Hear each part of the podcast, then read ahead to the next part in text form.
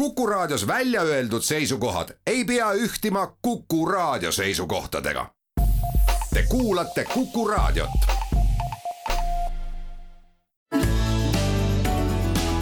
keskpäevatund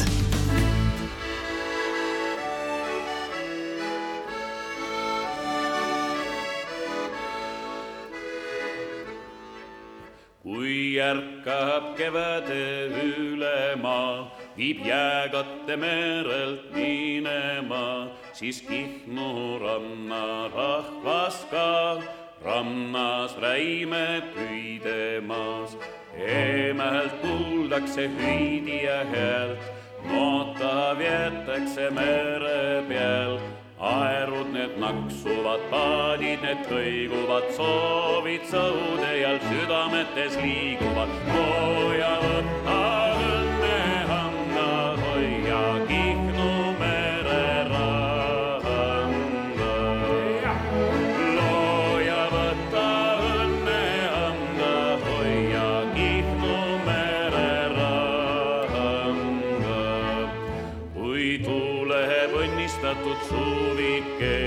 ja põldudel valmimas viljake,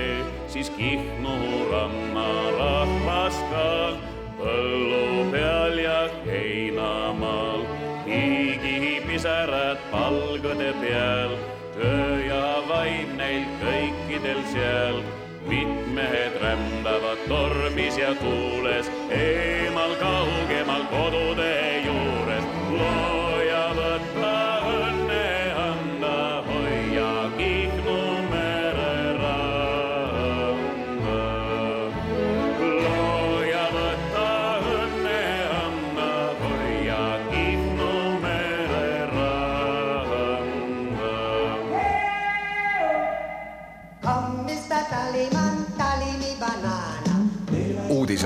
koduvabariigist.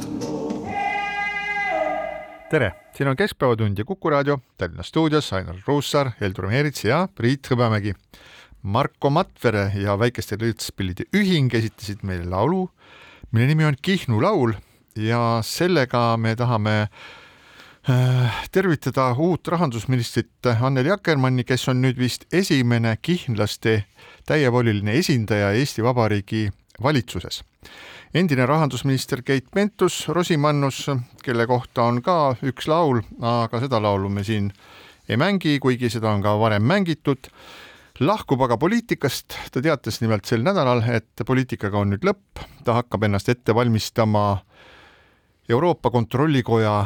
liik-, tulevase liikme kuulamisteks Brüsselis ja enne seda on siis veel natukene aega oma väikese lapsega kodus. kui me meenutame neid eelmisi kontrolli, kontrollikoja kuulamisi, siis teatavasti grilliti seal Juhan Partsi üsna põhjalikult ja pikalt ja nii nagu toona avalikkus aru sai, olid Eestis mitmed sellised inimesed, kes siis varustasid neid küsijaid kummaliste küsimustega, mida need inimesed, kes oma igapäevases elus istuvad Brüsselis ja esindavad mingeid teisi riike, ei saa mitte kunagi teada väikese Eesti sisepoliitiliste nüansside vastu, nii et näha saab, mis toimub siis Keit Pentus-Rosimannusega, kas keeruliste ja raskete küsimuste pakett on juba kohale saadetud ja mõned inimesed on need endale seal pähe õppinud, aga tulles siis Anneli Akkermanni juurde tagasi, teokas ja tõhus põline Kihnu naine, kes on teinud ähm, igasuguseid põnevaid tegusid, loonud juba äh, vähem kui kahekümne aastasena mitmesuguseid äh,, mitmeid ettevõtteid, siis ähm, toonase Saaremaa praami kuninga Vjatšeslav Leedo käest tema, tema hammaste vahelt tirinud ära laevalepingu ja, ja loonud siis laevaühenduse Kihnuga ja kõiksugusi muid asju ja nagu teokatel ja tegusatel inimestel ikka, saadavad ka tedagi mõned lahend-, vastuseta küsimused ja minevikku jäänud skandaalid. Nojah, ta on ise ka tunnistanud siinsamas Kuku raadio stuudios istudes, et, et tõepoolest majandusaruannete esitamisega mõnedele talle kuuluvate firmade puhul läks natuke üle tähtaja ja ja noh, mis teha, nüüd on need, need aruanded esitatud, aga Anneli Akkermann on kindlasti kogenud ettevõtja, Riigikogusse, Riigikogus on ta olnud kaks korda järjest, viimane kord sai sisse kahe tuhande neljasaja häälega ja noh, kõik need, kes väidavad, et äh, rahandusminister Akkermannil ei ole lähema nelja poole kuu jooksul suurt midagi teha, sest äh, Keit Pentus-Rosimannus käitus korrektselt, riigieelarve on parlamendile esitatud, äh, seal selle üle arutletakse, siis kõik need, kes väidavad, et Akkermannil ei ole nelja poole kuu jooksul midagi teha, nad eksivad, käimas on valimiskampaania ja küll neid kohti, kus raha puudu jääb, mm, tuleb pigem selle valimiskampaania jooksul juurde, kui, kui vähemaks. aga Priit, sulle lisaks, et kui sa viitasid sellele, et, et Keit Pentus-Rosimannusele hakatakse Euroopa Komisjonis esitama väga keerulisi küsimusi, siis loomulikult, ega see valimiskampaania on jõudnud ka Euroopa Komisjoni ja ilma, et nii mõnigi Euroopa Komisjoni liige, kes Pentusele küsimusi hakkab esitama, üldse teaks, et Eestis on valimised tulemas, aga aga need küsimused on laua peal kindlasti. Keit Pentus-Rosimannuse liikumine Euroopa Kontrollikoja liikme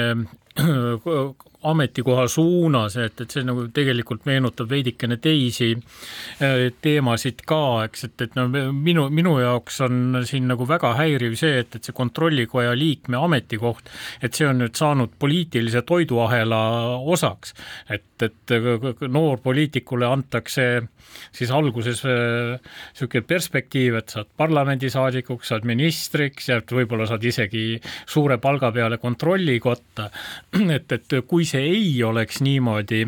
et et, et oleks võimalik vaadata ka kandidaate kusagilt muudest valdkondadest, noh näiteks audiitorbüroodest või,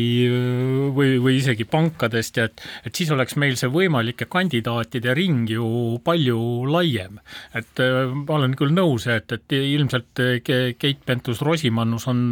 pädev kandidaat, aga nüüd seesama poliitiliste kokkulepete küsimuse tõttu on ta nagu sisuliselt sisuliselt ainukene kandidaat ja sellesama poliitilise mineviku tõttu on ta ka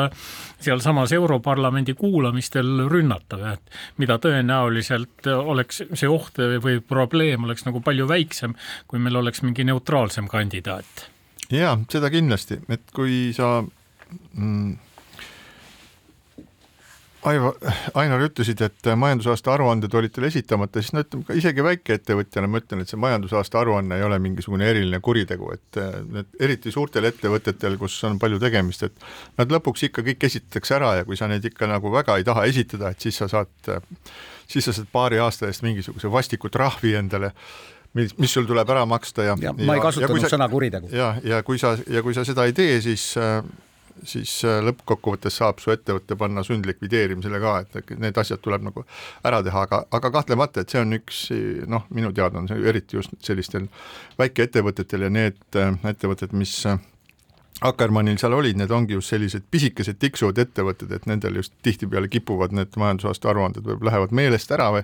või ei ole siis raamatupidaja seda õigeks ajaks ära teinud või mida iganes, aga noh, midagi no, selles punktis ma muidugi oleks nagu e-, eriarvamusel, et, et see ei ole nagu päris nii pisiasi. et noh, see on nagu ühest küljest ikkagi selle maja, majanduskeskkonna läbipaistvuse küsimus ja, ja noh, et kui me nagu vaatame ka mingeid probleeme, et, et siis sellega kaasneb ka see aruannete andmete mitteesitamine ja no ja võib-olla kõige üldisemal tasandil ka, eks, et, et kui meil on olemas selline reegel ja noh, see siis nagu ilmselt peaks seda ikkagi ka täitma. et jah, no võib-olla see ei ole tõesti kõige suurem kuritegu, aga noh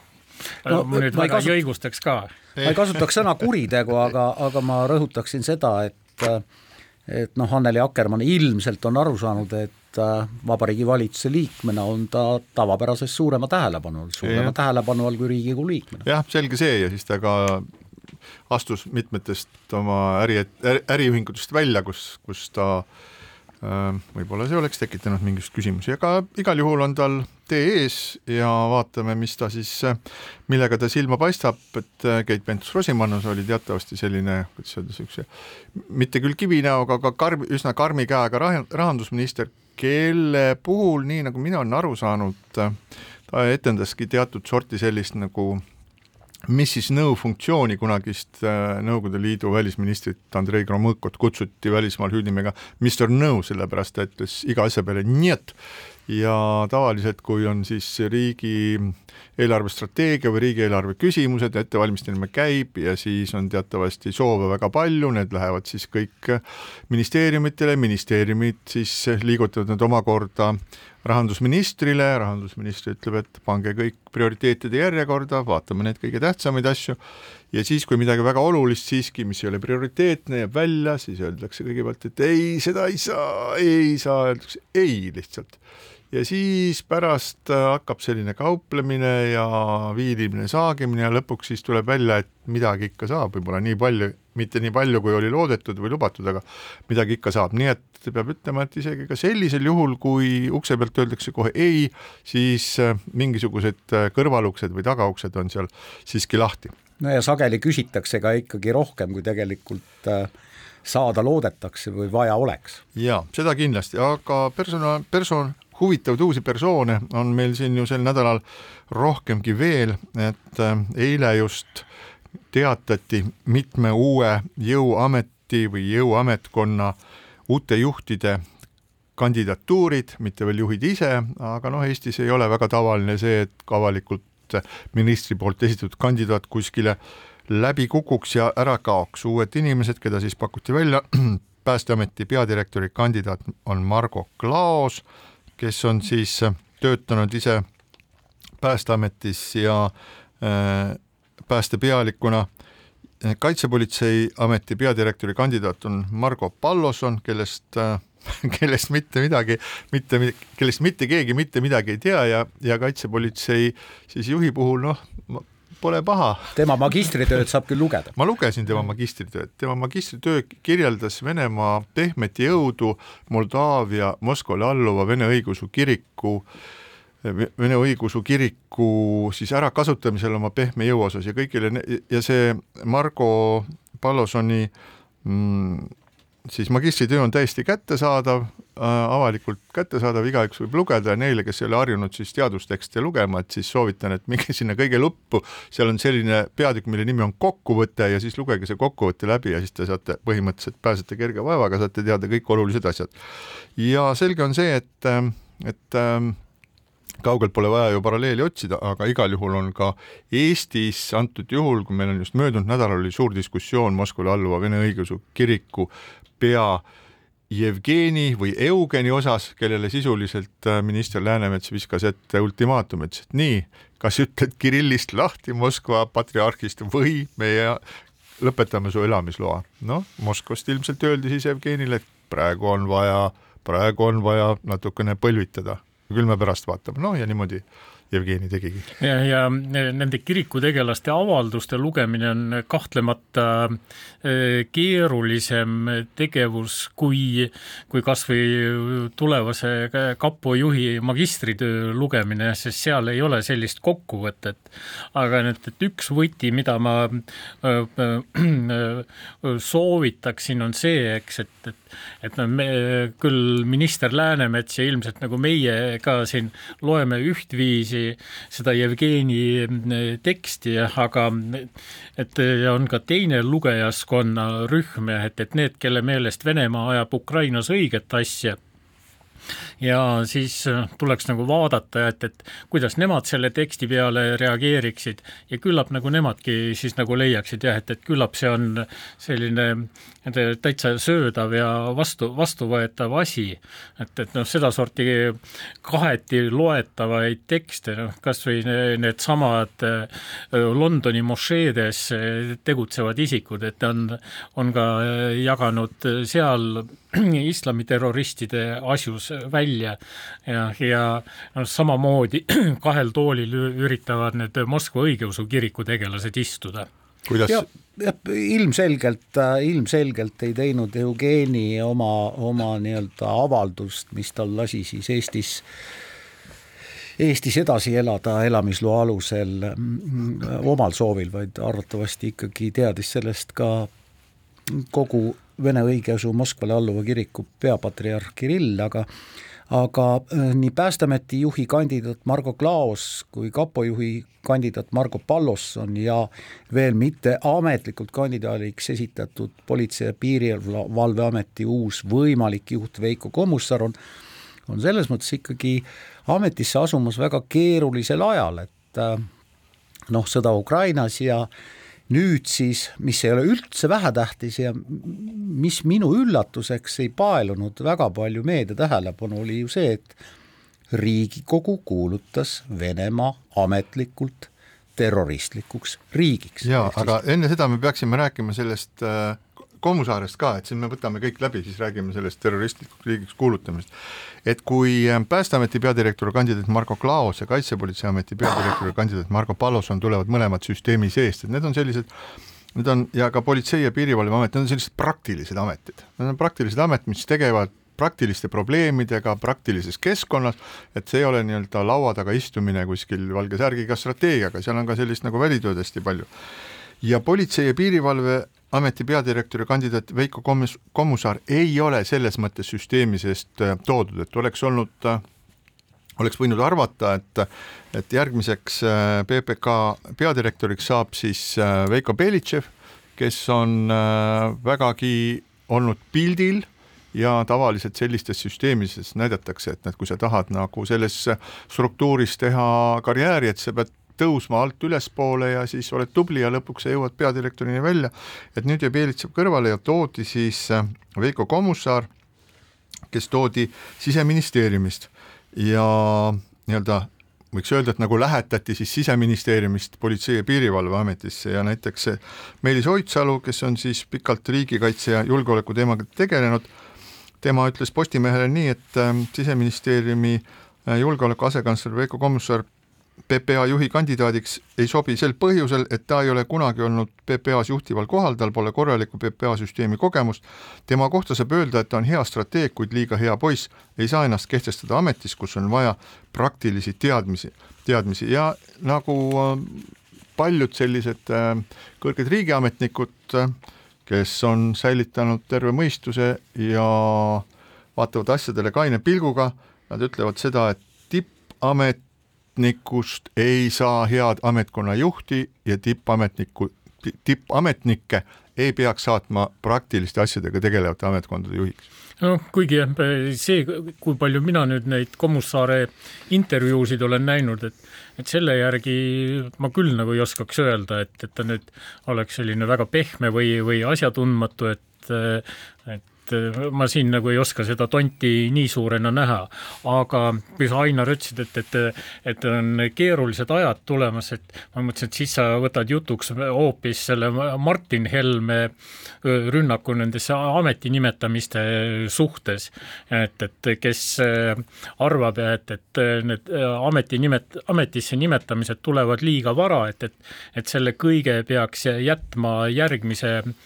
valitsuse hooleks. Ja kuigi siin ei oska küll kuidagi Martin Helmega nõus olla, sest et kui, kui nagu mõelda nende ametisse astumise aegade peale, et, et kui kõigepealt on märtsis vaja valimised, siis peetakse koalitsiooni läbirääkimisi, siis, siis alles asuvad äh, ministrid ametisse, et, et siis äh, läheks nende juhtide ametisse nimetamine ikkagi nagu liiga rapsimiseks ja liiga, liiga kiirustavaks nojah, et see tähendaks, see sinu poolt kirjeldatu tähendaks siis seda, et enne järgmise aasta aprillikuu lõppu ei toimuks mitte midagi nendes Just. ametites vähemalt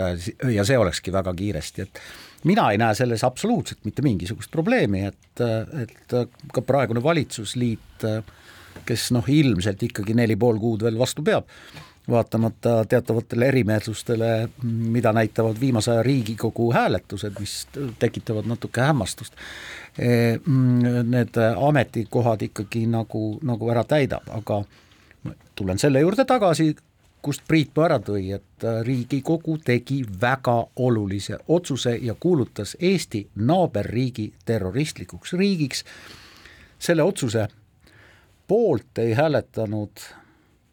keskerakondlane Kersti Sarapuu ja loomulikult Mihhail Stalnuhhin, kes saab autokompensatsiooni, aga kellel ei ole juhiluba. aga nüüd tuleb üllatus, nüüd tuleb üllatus, miks Riigikogu nii kiiresti, kergesti ja üksmeelselt võttis vastu sellise otsuse, et kuulutada Venemaa terroristlikuks riigiks? ma vastan, sest sellest ei muutu mitte midagi, sest Eesti Vabariik ei pea tegema mitte midagi muud, kui kulutama natukene printeri värvi selleks, et see otsus välja printida. ja see on sellepärast, et Eesti Vabariigi vali-, Eesti Vabariigi seadused ei näe ette mitte mingisugust tegevust või mitte mingisuguseid tagajärgi selle puhul, kui mingisugune riik on kuulutatud äh, Riigikogu poolt terroristlikuks, hoopis teine asi on Ameerika Ühendriikidel, kui te mäletate, siis äh, Ameerika Ühendriikide president Joe Biden ütles ühe korra oma kõnes ütles, et ta, et Venemaa on terroristlik riik ja järgmisel päeval, ja see oli nagu suur uudis üle terve maailma, ja järgmisel päeval tuli Valgest Majast teade, et noh, see on minu, see on minu isiklik seisukoht. Ja miks see seal niimoodi toimus, on see, et Ameerika Ühendriikidel erinevalt siis Eesti Vabariigist on väga palju ja väga olulisi seadusi, mis sätestavad, et kui mingi riik terroristlikuks riigiks nii-öelda äh, tunnistatakse, siis sellele järgnevad väga kiired kohesed meetmed, mida tuleb hakata ette võtma ja mida ei saa rakendada nii, et me võib-olla teeme ja võib-olla me seda ei tee, tuleb kohe tegema hakata. See oli see põhjus. Eesti, Eesti Vabariigil, muidugi see on väga tore kõik, aga tegelikult see oli noh, sama hea nagu äh, no ükskõik öelda, et jaa, et nad on ikka igavesed pätid, tegelikult kui sellest mingisuguseid kohustusi ei sünni, et siis on lihtne mingeid otsuseid vastu võtta. nojah, eh, elevanti ei ole mõtet varblasega võrrelda, eks, aga tegelikult sellel terroristlikuks kuulutamisel võib vähemalt eh, poliitteoreetiliselt ikkagi olla ka mingisugune mõju, et vähemalt Eesti poliitikud eh, ja valitsuse liikmed, kes kohtuvad oma kolleegidega Euroopa Liidust, või võimalike liitlastega NATO-st, kes ei kuulu Euroopa Liitu, saavad ikkagi selle näite tuua ja noh, ma kordan, poliitteoreetiliselt on võimalik, et see Eesti otsus tegelikult ikkagi ärgitab nii mõndagi teist Euroopa riiki või Euroopa riigi parlamendi enamust arutama ja vastu võtma samasugust otsust ja siis see terroristlikuks kuulutamine juba hakkab võtma teatavaid teistsuguseid mõõtmeid, ehkki ehkki ma ütlen ausalt, et praegu, täna, kahekümne teisel oktoobril kaks tuhat kakskümmend kaks siin Kuku raadio stuudios istudes ma ei kujuta ette, et sellise otsuse võtaks vastu Portugali või Itaalia parlament minu, minu rehkenduse järgi, et täna on selliseid otsuseid teinud ainult Eesti, Läti ja Leedu vist, et, et no, et noh, saame näha, et, et kas see nüüd on see väike tõuge ja et, et mis lükkab laviini liikuma. no ma eeldan, et Poola võiks olla järgmine jah, ja siis, aga jah, et, et nüüd kui, kui suure tõenäosusega me jõuame sinnamaale, et, et Saksamaa ja Prantsusmaa niisuguseid või Soome ja Rootsi. jah, selliseid otsuseid teeks, eks noh, seda, seda on juba palju, palju keerulisem hinnata, aga noh, ilmselt nagu sellise lootuse ja sellise arvestusega see otsus vastu võeti. ja siin kahtlemata iga riigi puhul sõltubki just nimelt sellest, et mida selle riigi konkreetne seadusandlus siis äh, näeb ette, kui keegi kui mõni teine riik kuulutatakse terroristlikuks ja mida siis peab tegema, et see kindlasti on üks põhilisi argumente selles diskussioonis. et, et, et ja no nii palju veel lisaks, et, et noh, ideaalses juhul see olekski nagu selline doominoklotside langemise rivi, et, et mis äh, jõuaks välja sinnamaale, et, et USA kuulutaks ka Venemaa terroristlikuks. ja ma arvan, et see ongi üks kõige olulisemaid äh, selliseid äh, aspekte selle Eesti Eesti otsuse juures, et luua mingisugune selline jõukeskus, et äh, Balti riigid, siis Poola, mis kõik siis nõuavad endale Lääne-Euroopas ju rohkem tähelepanu ja nõuavad seda positsiooni, öeldes, et aga meil oli õigus, vaadake nüüd, ühesõnaga te ignoreerisite meid siin väga pikka aega. me tunneme seda koletist palju paremini ja see võib tõepoolest siis olla selliseks äh, doom-, doominoefekti alustajaks. ja siinkohal väike paus. keskpäevatund. Keskpäevatund jätkab, Kuku stuudios Annar Ruussaar, Heldur Meerits ja Priit Hõbemägi, räägime nüüd veel ühest personalis, personali küsimusest ja me räägime Konstantin Pätsi kuidas nüüd on, viimastel päevadel on ajakirjanduses palju nalja selle üle, et räägitakse Konstantin Pätsi pea avamisest, aga tema pead muidugi kellelgi enam avada ei õnnestu. aga siis selle all mõeldakse Konstantin Pätsi peakujulise mälestus samba või monumendi, ma ei tea, mis vahet nendel päriselt on, avamine Tallinnas Estonia teatri tagumisel fassaadil paikneva endise uue turu peal ja seal lähedal on veel äh, ilusasti Draamateatri poole puude vilusse on nihutatud siis kunagine tuhande üheksa, tuhande üheksasaja viienda aasta äh, monument. mina ükspäev mõtlesin, et kuhu see kadunud on, seepärast see oli ju enam-vähem samal kohal, kus praegu on Pätsipea, aga see on nihutatud sinna puude varju ja tegelikult ei paista üldse enam välja. see on, see on monument, mida siis rahvasuu on aastakümneid kutsunud halloo takso, mu mees on jälle purjus. just nimelt, aga nüüd on siis selle endise koha peal on nüüd Konstantin Pätsi, Eesti Vabariigi esimese presidendi, mitmekordse riigivanema, Eesti Vabariigile aluse panija, Esto-, Estonia seltsi liikme ja nii edasi, nii edasi, Eesti Ajutise Valitsuse esimese koosseisu liige, tema siis äh, mälestuseks ja peab ütlema, et sellele eelnes ikka tohutult pikalt aastaid ja aastaid ähm, pikki arutelusid, kas peaks või mispärast ei peaks ja tänase päevani mul on väga hea meel, et see peas lõpuks sinna jõudis. et äh, tänase päevani Konstantin Päts polariseerib väga tugevalt neid inimesi, kes tunnevad huvi Eesti ajaloo vastu, on neid, kes peavad teda riikluse ja rahvusriigi alusepanijaks, mida ta kahtlemata ka on, on neid, kes peavad teda siis äh, Eesti riigi, Eesti riigi mahamüüjaks ja nii-öelda ilma ühegi püssi lasuta äraandmise mm, initsieerijaks Venemaale neljakümnendal aastal baaside sisselubamise leping ja kõik, mida kõike talle süüks pannakse, kahtlemata tol ajal ta oligi riigijuht, ta oli president, aga ajad olid keerulised ja siiski ma arvan, et see, et see pea sinna pandi, see on väga hea, et inimesed saavad ise sinna juurde minna ja vaadata Pätsile silma ja küsida, et et miks sa vanamees tegid niisuguseid asju või öelda, et tubli mees, sai heade asjadega hakkama. ta minu meelest on see ikka hea ka see, et, et mu meelest see äh, skulptuur on super, super hästi õnnestunud. et küll mõned inimesed karjatavad, eks, et, et see mõjub nii mornilt ja masendavalt, aga ma, ma võib-olla enda peas seostakski seda Pätsi monumenti just selle sama vaikiva ajastuga, millega siis see äh, lõpptulemus selle kuju puhul ka mu meelest üli, ülihästi harmoneerub, et, et ongi natukene selline morn ja raskepärane värk, see vaikiv ajastu. Ja nüüd noh, mida, mida sa räägid sellest, nendest etteheidetest tuhande üheksasaja neljakümnenda aasta puhul, et väga palju need etteheited ongi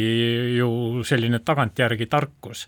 ja, ja et, et selle, sellel ajahetkel, kui Päts neid otsuseid tegi, et, et ta, tal oli kasutada just see informatsioon, mis ta, mis tal oli ja, ja selle, selles kontekstis noh, et et ei olnud nagu hea lahendus, aga nagu ikka, eks, et, et on nagu sul ees ainult halvad ja väga halvad valikud. nojah, ja, ja ega seda neljakümnendat aastat tuleb vaadata natuke ka varasemasse aega, et kõik see protsess ju sai alguse tegelikult kolmekümne üheksandal ja siis, kui puhkes Esimene maailmasõda ja sõlmiti, noh, tagantjärgi me võime öelda, et täiesti tõesti jaburaid, aga tol hetkel ilmselt mitte tagasilükkamist võimaldavaid kokkuleppeid Nõukogude Liiduga, noh, mitte kallaletungi pakt näiteks ja nii edasi ja nii edasi ja nii edasi, aga vaata nende mälestusmärkidega ja monumentidega on nagu on, et noh, vaieldamatult me kõik oleme siin seda meelt, et Konstantin Päts on Eesti ajaloos selline äh, nimi, mis kindlasti väärib jäädvustamist kivis või, või marmoris, nüüd siis kivis. aga nende monumentidega on nii, et mõni hakkab kõnetama ja mõni ei hakka kõnetama, eks ole ju äh, noh, Savisaare vabaduskell on küll üks torni otsa pandud kell, aga Savisaar kujutas ikkagi ette, et see on monument. mina ei tea, küsisin eile oma kolleegide käest, et äh, kas te olete viimasel ajal sealt mööda kõndi, kõndides silmitsenud seda? ja ausalt öeldes ma sain vastuseks täpselt sama asja, mida ma ka endale vastasin, et ma lähen sealt mööda nii, et ma ei näegi seda, ma ei pane seda, seda nagu tähele, eks ole. noh, kõik see möll, mis käis omal ajal ümber, ümber võidusamba Vabaduse väljaku juures. noh, mm, ma olen ausalt öeldes natuke imestanud, miks ma, Marie Underi mälestusmärk on peidetud sinna Rahvusraamatukogu äh, peaukse nurka, et, et noh, seda jumala pärast äh, nii lihtsalt tähele ei paneks ja nii edasi ja nii edasi, et aga et, et see ikkagi nagu viitab et, et mälestussammastel on äh, potentsiaali nüüd ikkagi mingites küsimustes inimesi kõnetada, et võib-olla nagu see Marie Underi kirjanduspärand ehk nii tohutult meie, meid, me selle üle igapäevaselt ei mõtle jah, aga nii Pätsi teemad kui ka nüüd needsamad venelaste mahajäetud okupatsioonimälestusmärgid, et need on asjad, mis, mis meid kõnetavad ja, ja kui me nüüd öö, kui me nüüd nende okupatsioonimälestussambaid saame kõrvaldatud ja, ja siis nagu enda lugu rääkivaid mälestussambaid, nagu seesama Pätsi mälestussammas püsti paneme, et noh, see nagu näitab, et me ikkagi oleme veidikene rohkem seda lugu, mis siin Eestis on, kontrollimas kui, kui varem. ja, ja, ja noh, mälestussambad on alati või mälestusmärgid on alati rohkem või vähem seotud emotsioonidega ja ja mulle meenub periood, kui ma elasin Gruusias ja ja Gruusia pealinnast Tbilisis, siis, siis oli sealne president Mihhail Saakašvili, kes oli, kellele meeldis väga linnaruumiga tegeleda ja talle meeldisid kahed asjad, talle meeldisid purskkaevud, mida tekkis temal ajal Tbilisisse tohutult juurde ja talle meeldisid ka mälestusmärgid.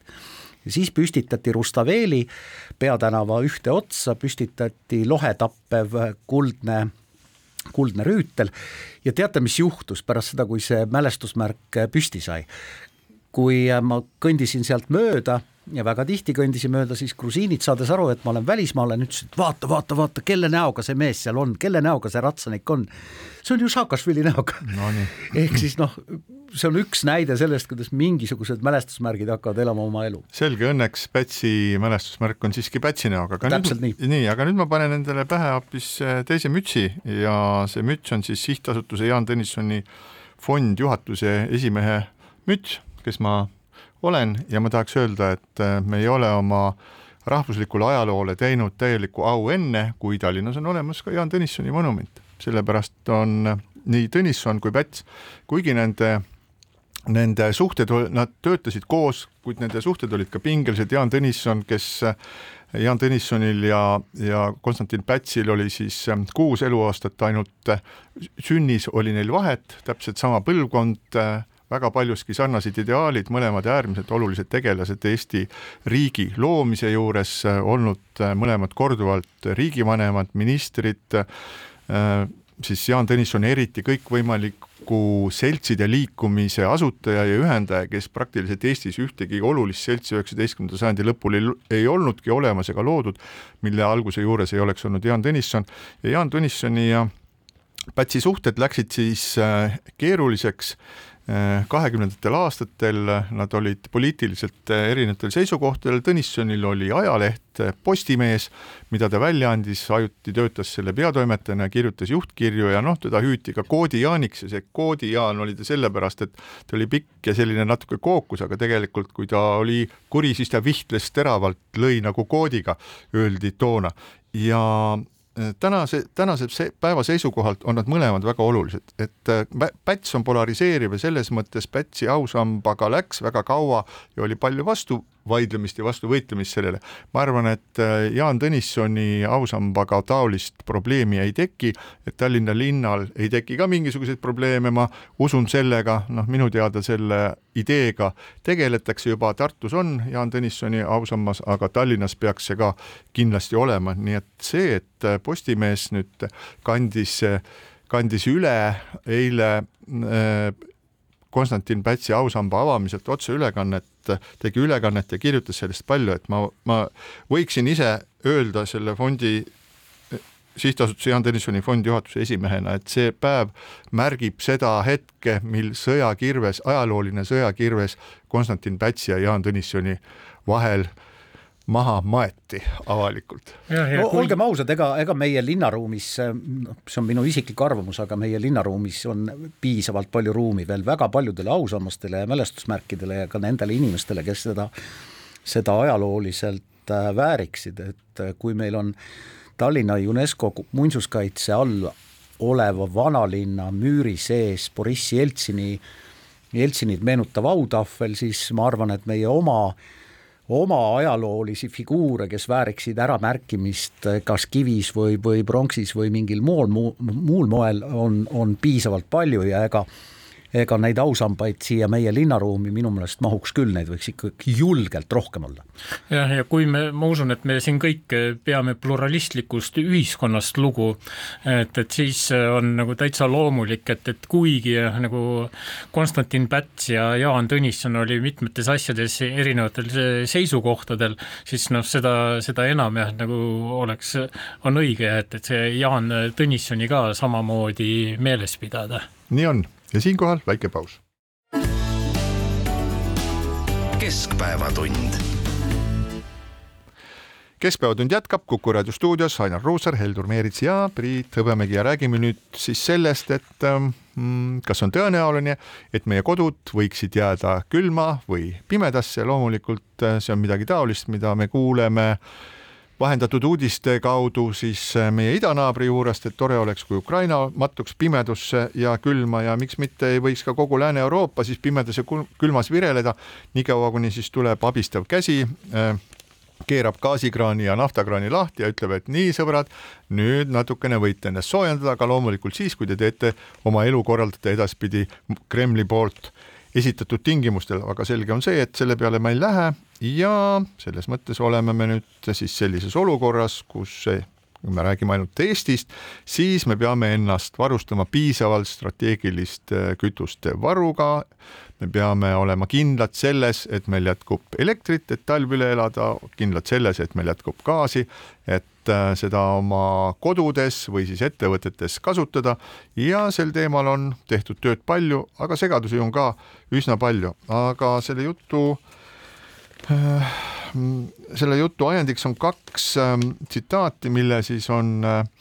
ähm, Eleringi juht äh, Taavi Veskimägi öelnud sel nädalal Postimehe intervjuus Andrus Karnaule. üks lause on see, kui on sihitud rünnak energiataristu vastu, siis peab ühiskond olema valmis hakkama saama gaasi ja elektrita ja teine on see, et äh, iga rike, kütusepuuduse või rünnak ühenduste ja jaamade vastu võib tekitada olukorra, kus elektrisüsteem jääb tervikuna tööle, aga tarbijad tuleb kahe tunni kaupa välja lülitada, et hoida elektrisüsteemis tootmise, tarbimise tasakaalu ja kahtlemata, mis meid siis kõiki huvitab, mitte see, et kas Põhjala kummikuvabrik, mis, mida tegelikult enam ei ole, teeb kummikuid edasi või ei tee, vaid see, et kas meie koduköögis kustub elekter, kas meie majas on valgust, kas meie pliidi all on gaasi, et süüa teha. jah, kas lasteaias on äh, temperatuur äh, natuke kõrgem kui viisteist kraadi talvel, aga see on palju laiem, et äh, kui näiteks on pikemaajalisem elektrikatkestus, siis see ju tähendab seda, et ei saa sooritada makseid, ei saa sularahaautomaadist kätte raha, noh, miljon, miljon, miljon küsimust tegelikult, aga kui sa korra mainisid Ukrainat, siis Ukraina reaalsus on praegu see, et kolmandik riigist ongi sisuliselt elektrita, ehk siis kui venelased ei ole küll või Venemaa, vabandust, venelased ei tohi öelda, ma teen seda viga kogu aeg, palun vabandust, Venemaa agress-, agressiivne Venemaa äh, ei ole küll maismaad mööda Ukrainas kuigi palju ede-, edenenud, vaid vastupidi, pigem on loovutanud territooriumi, siis õhust on ta suutnud ikkagi elektrijaamu piisavalt rünnata, nii et kolmandik Ukrainast on peaaegu elektrita juba praegu energeetika puhul jah, et, et äh, me siin hiljaaegu rääkisime sellest, et, et kui kallis see kõik on, et nüüd me oleme jõudnud äh, selle üle rääkimiseni, et kas seda üldse on olemas. nüüd see, mis puudutab hinda ehk noh, sellise, kui me vaatame seda Euroopat tervikuna, siis tegelikult need kõige hi hullemad hirmud ei ole tõeks läinud ja, ja seesama gaasi hind on nüüd hakanud äh, äh, ka selgelt langema, et, et tipust ollakse üle saanud, kuna on natuke, mõnevõrra on suudetud tarbimist piirata ja on Aafrikast ja Norrast on suudetud uusi tarneid korraldada. nii et, et noh, nagu see kõige hullem on möödas ja aga noh, niisuguse väikse muigega tahaks siia juurde lisada, et uus draama on ees ootamas ja et, et et õlle hind võib tõusta jaanipäevaks nagu väga palju ja et, et mõned prognoosivad et, et viiskümmend protsenti, optimistid arvavad, et ehk, ehk saab kümneprotsendise õlle hinna tõusuga hakkama. aga nüüd, kui nagu päris asjade no, juurde tagasi. ütlen siia vahele, et Hašek juba kirjutas selle kohta, et mis saab valitsusest, kes tõstab õlle hinda. aga nad on ju püsima jäänud ikka, ma olen ka jälg-, ma olen kogu aeg jälginud maailmapoliitikat sellest aspektist, et mi, kas siis on nii, et kes õlle hinda tõstab, et see langeb, aga no ega siis lõppkokkuvõttes tänapäeval enam valitsused hinda, õlle hinda tõsta, eks need tõstavad ikka ettevõtjad ja mõnikord lihtsalt sellepärast, et nad võivad seda veel teha, et ikka veel ostetakse. aga nüüd, et kui nüüd sinna energeetikasse tagasi tulla, et, et, et siis see Eleringi toon on noh, üsna, üsnagi nagu radikaalselt muutumas ja et, et kui veel hiljaaegu öeldi, et, et pole midagi, eks ja et, et noh, meil on need ühendused ja, ja nüüd, et küll, küll kuskilt kuidagi ikka saab ja et, et siis nüüd ka juba mööndakse, et, et need katkestused siiski on võimalikud ja, ja noh, selle taustal on see mõte, et, et, et neid tootmisvõimsusi on nagu nii, nii napilt eh, tarbimise lähedal ja et nii, et, et noh, mis, mis tahes tõrge selles süsteemis jah, nagu võib, võib rebenemist põhjustada. Ja noh, selle juures on, tuleb ka nüüd arvestada, et, et headel aegadel nagu tehti üsna meelsasti kaupa üle piiri, aga sama, et nüüd kriisi ajal noh, osundub, et, et järjest rohkem riike on nagu valmis selleks, et, et kui endal energiat napib, et siis, siis enam ei taheta mingisugust eksporti sallida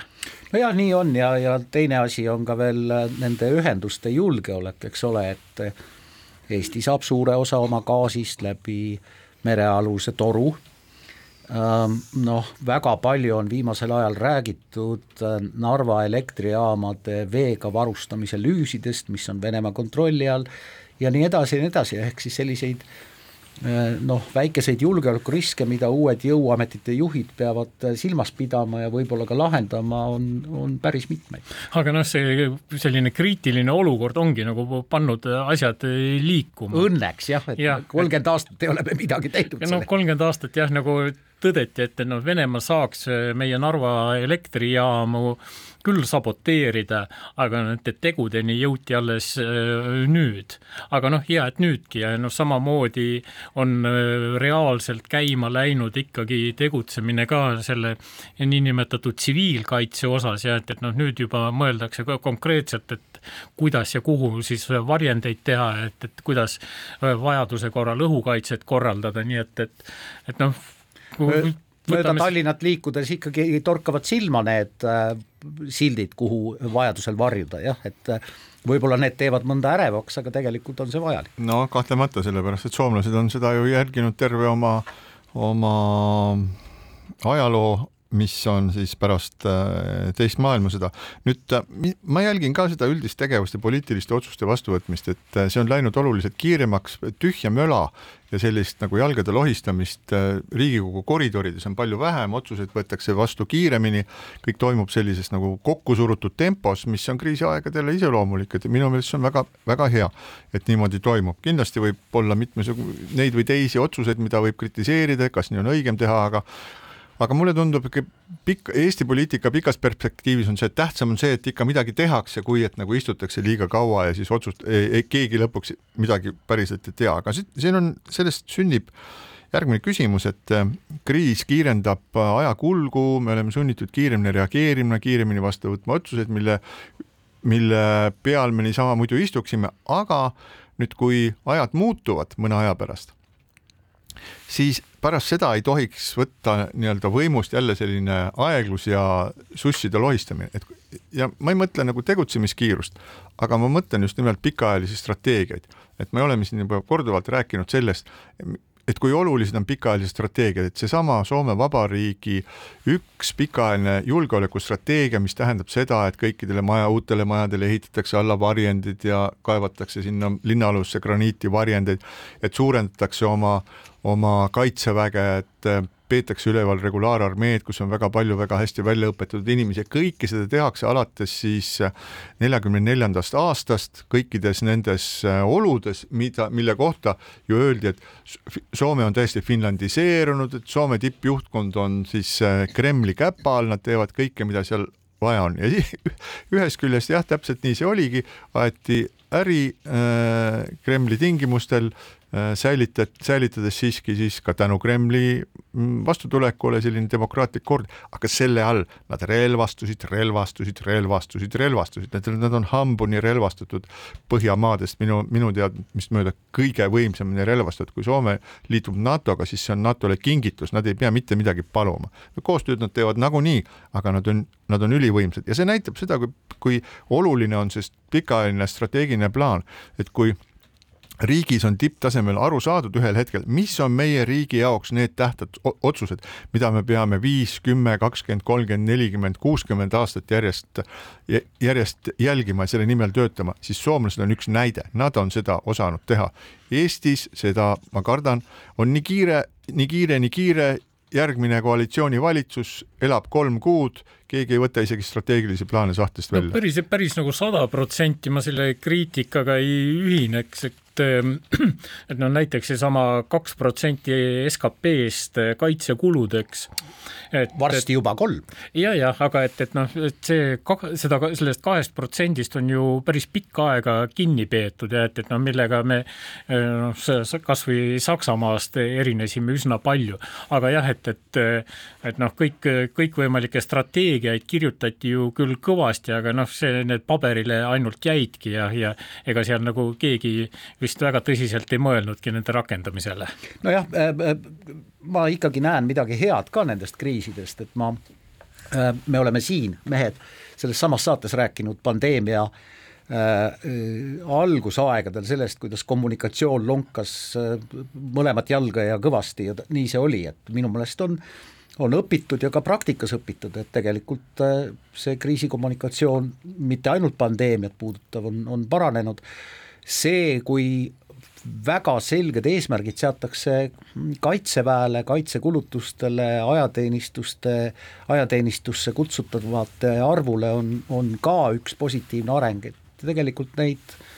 edasiminekuid, mida kriis on kaasa toonud, võib, võib näha, kui otsida.